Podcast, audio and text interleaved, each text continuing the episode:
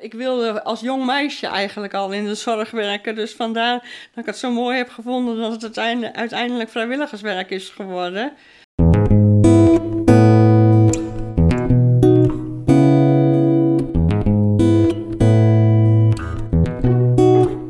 Hoi, goed dat je luistert en welkom bij deze podcast, waarin ik in verschillende afleveringen in gesprek ga met vrijwilligers die werkzaam zijn bij Sirenlo. Ik spreek hen over hun motief om dit werk te doen en ben benieuwd naar hun verhaal en ervaringen. Mijn naam is Judith Lubbers. In deze laatste aflevering ontmoet ik iemand die zich al heel lang inzet als vrijwilliger. Ze is niet alleen enthousiast vrijwilliger, maar ook bewoner bij Sirenlo. Aan de keukentafel van haar mooie appartement stelt ze zichzelf even voor.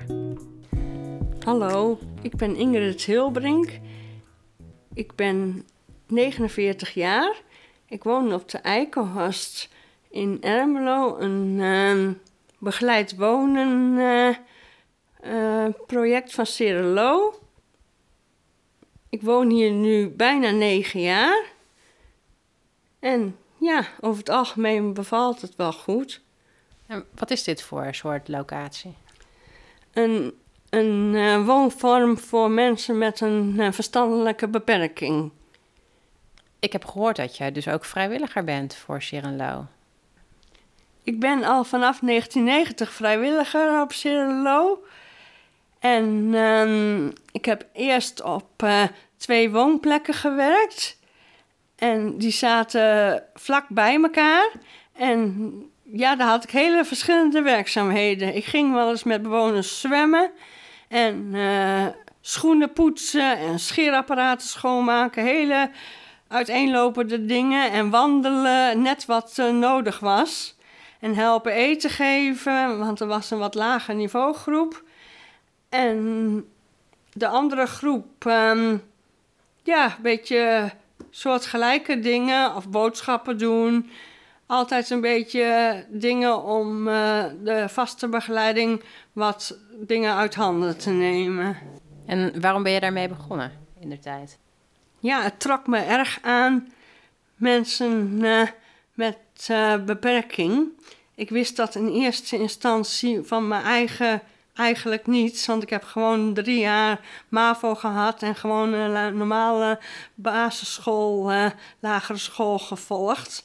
Dus ik was daar eigenlijk zelf niet van uh, bewust dat dat ook bij mij speelde, maar het trok me erg aan de doelgroep uh, om daar samen wat mee te kunnen betekenen. Ja, en weet je nog waarom dat je zo aansprak toen? Ja, ik denk omdat ik toen op dat moment uh, niet werkte. En um, ja, dat je iets om handen wilde hebben.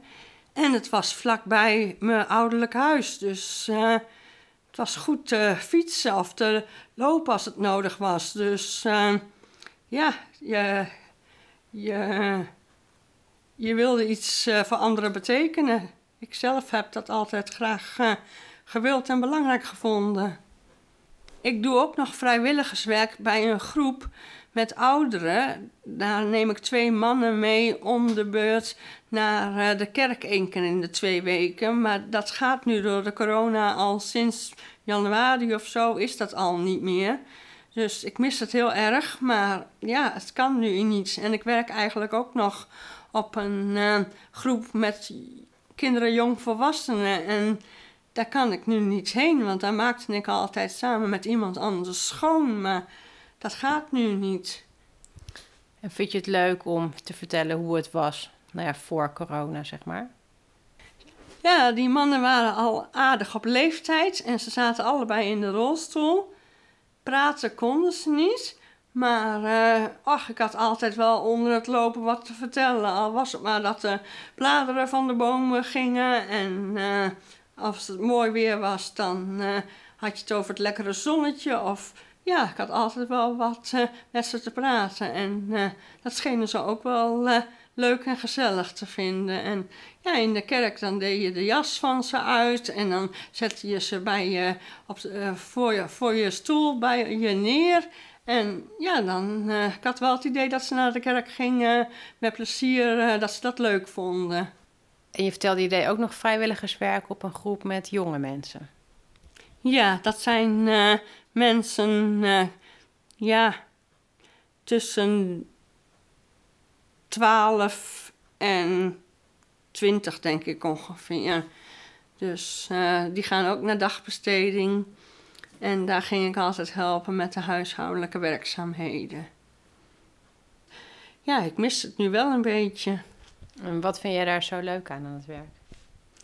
Ik kan um, soms, als ik veel gedachten heb, dat ik een beetje pieker, dan kan ik daardoor schoonmaakwerkzaamheden en uh, de gezelligheid en een praatje, kan ik mijn gedachten wat van me afzetten. En ja, het eindresultaat is met schoonmaken altijd goed te zien. En ik vind het wel fijn als je eer van je werk hebt. Dus je was al heel jong toen je met vrijwilligerswerk begon? Ja, 18 of 19 denk ik. 1990. Dus het is al 30 jaar.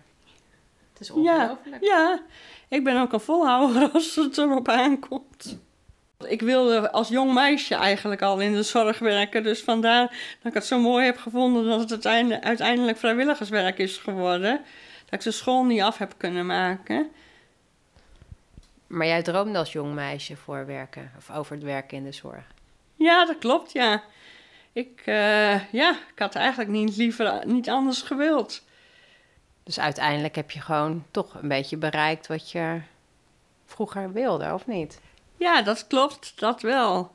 Ja, ja ik heb eigenlijk altijd wel in de zorg uh, een beetje stiekem uh, gehoopt en gedroomd, ja. Is er zelf iets wat je, waarvan je zegt van nou, dat vind ik leuk om te vertellen over het vrijwilligerswerk? Ik heb nog een hele leuke uh, foto, fotolijst met hoofden van mensen waar ik heel vroeger vrijwilligerswerk gedaan heb. En dat waren ook jongvolwassenen. En dat was um, ook heel um, aandoenlijk toen ik wegging daar, dat ik afscheid daar nam. En dat ik dat als cadeau kreeg. Ik heb het nog in mijn kast liggen. En um, dat vond ik heel mooi dat ik dat gekregen heb. En ook een boek erbij met uh, persoonlijke verhalen, wat de begeleiding dan geschreven heeft, wat hun, dan vonden. Dat konden ze niet allemaal zelf vertellen. Maar waarschijnlijk door gezichtsuitdrukkingen en zo heb ik wel veel losgemaakt bij hun. Dus hadden ze wel leuke verhalen opgeschreven in dat boek. En mag ik het zien, die fotolijst op dat boek? Ja hoor. Daar maak je me natuurlijk wel heel nieuwsgierig.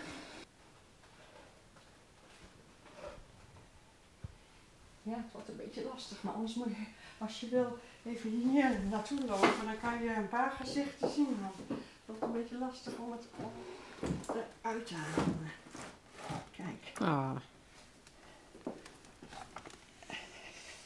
Groetjes en dikke knuffels van ons. En er staan er wat namen bij. En dat je nog eens bij ons komt. Heb ik wel gedaan in het begin, maar nu is die groep een beetje uiteengevallen. Nu wonen ze allemaal ergens anders. En zijn vader, die heb ik van uh, jongs af aan uh, gekend dat hij uh, bij, bij ons in de buurt woonde, waar mijn ouders nu wonen. Ik lees daar bedankt voor alles. We hopen dat je ons niet vergeet. ja. Nou, dat is volgens mij gelukt. Je ja. bent ze niet vergeten, toch? Nee, ik bewaar het ook altijd. En wat doet dat met jou, dat je dit cadeau hebt gehad? Ja, nou ja, toch wel dat je gewaardeerd wordt. En uh, ja. dat, je, dat ze je graag gezien hebben als ze zeggen van kom nog eens langs en zo. Dus, uh, ben je er trots op? Ja, ergens wel, ja.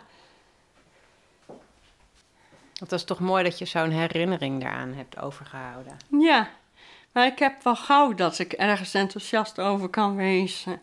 En dat ik blij ben dat ik bepaalde dingen voor iemand heb betekend of uh, kan betekenen nog en zo, ja. Want wat had je voor deze mensen gedaan? Uh, zwemmen en ehm, wandelen.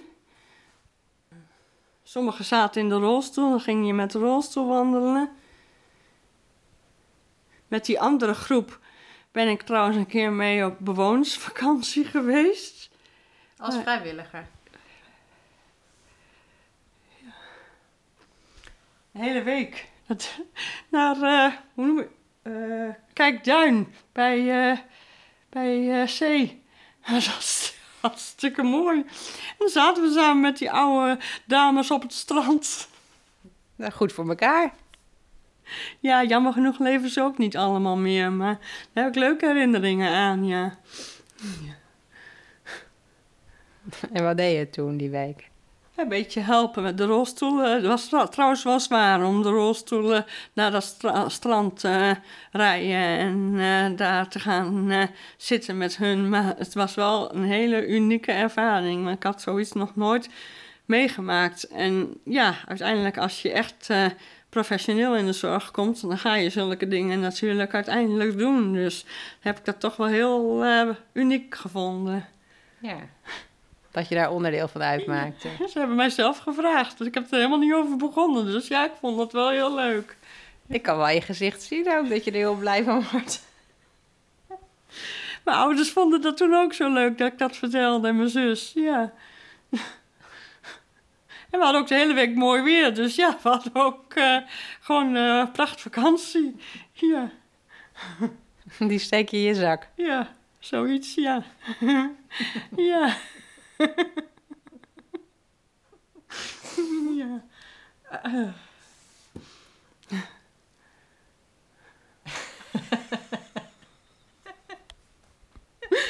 ja, heeft je toch maar weer mooi meegepakt. Zo is het. Is het belangrijk voor jou, het vrijwilligerswerk? Ja, heel erg is het geworden, ja.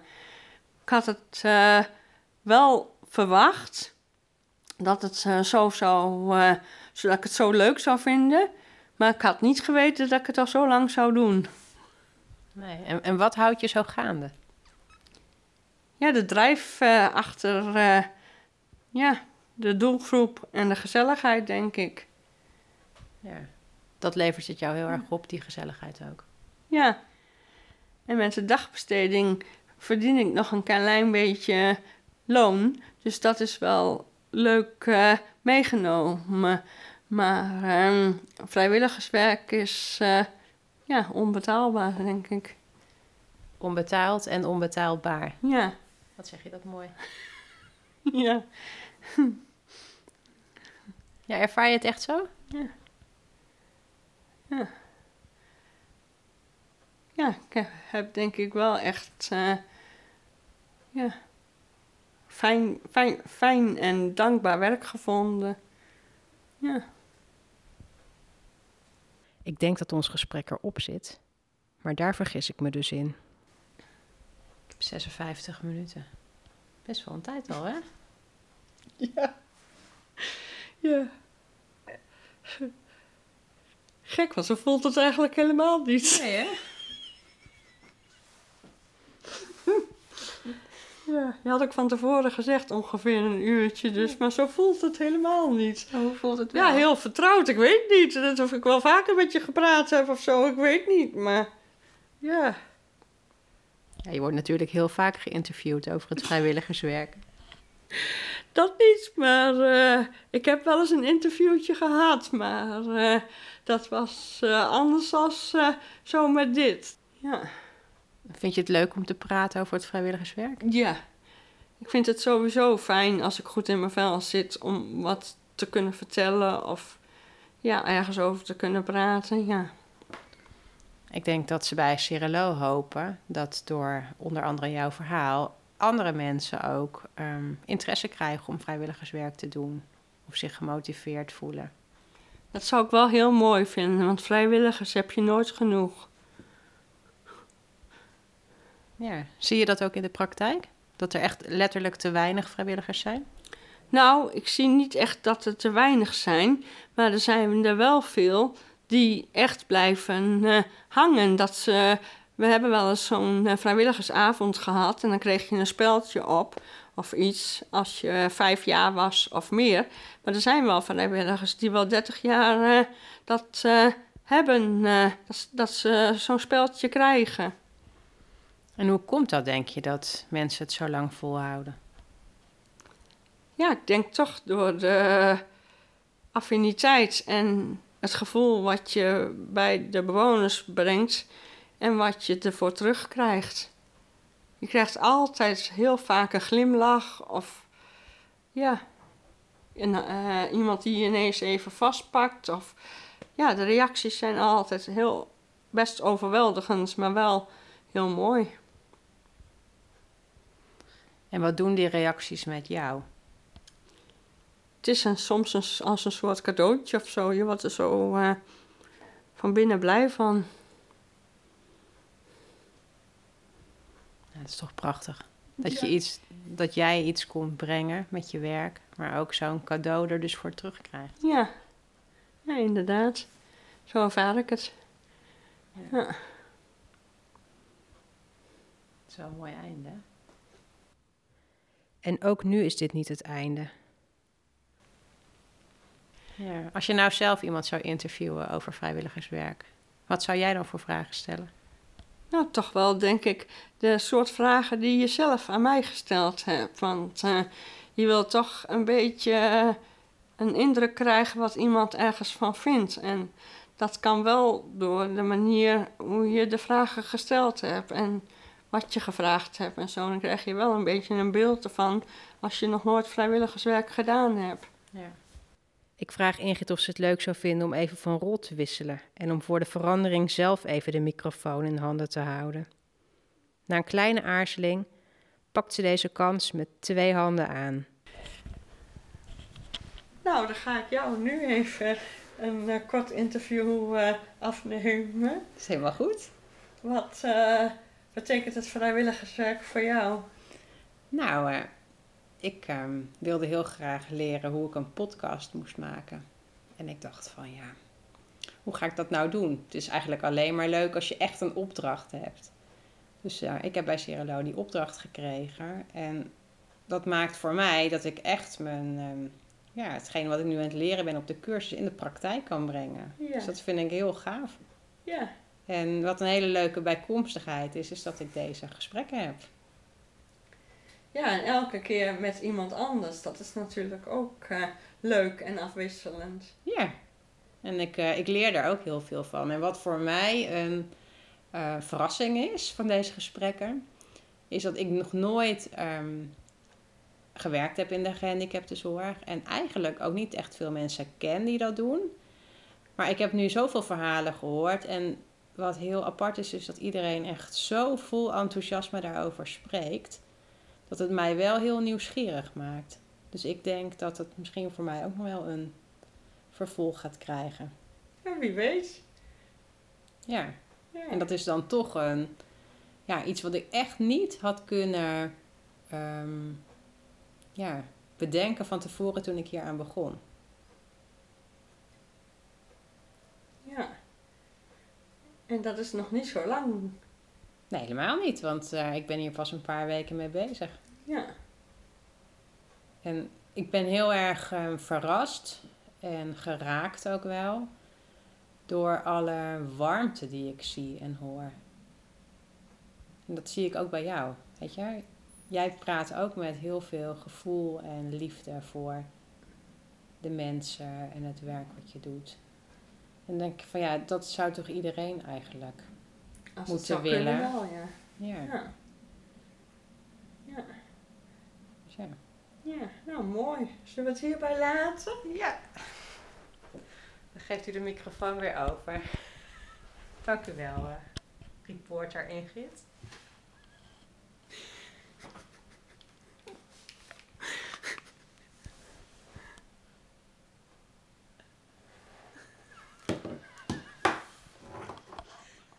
Maar uitzetten? Doe maar.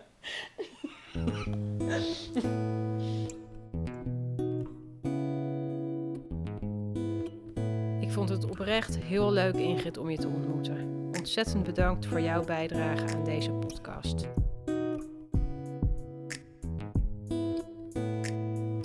Het zit erop. Dit was de laatste aflevering van een serie van zes gesprekken. Ik sprak met zes leuke en bevlogen vrijwilligers, alle met hun eigen verhaal en accenten, alle even enthousiast. Ik heb ervan genoten en ik hoop jij ook. Bedankt voor het luisteren.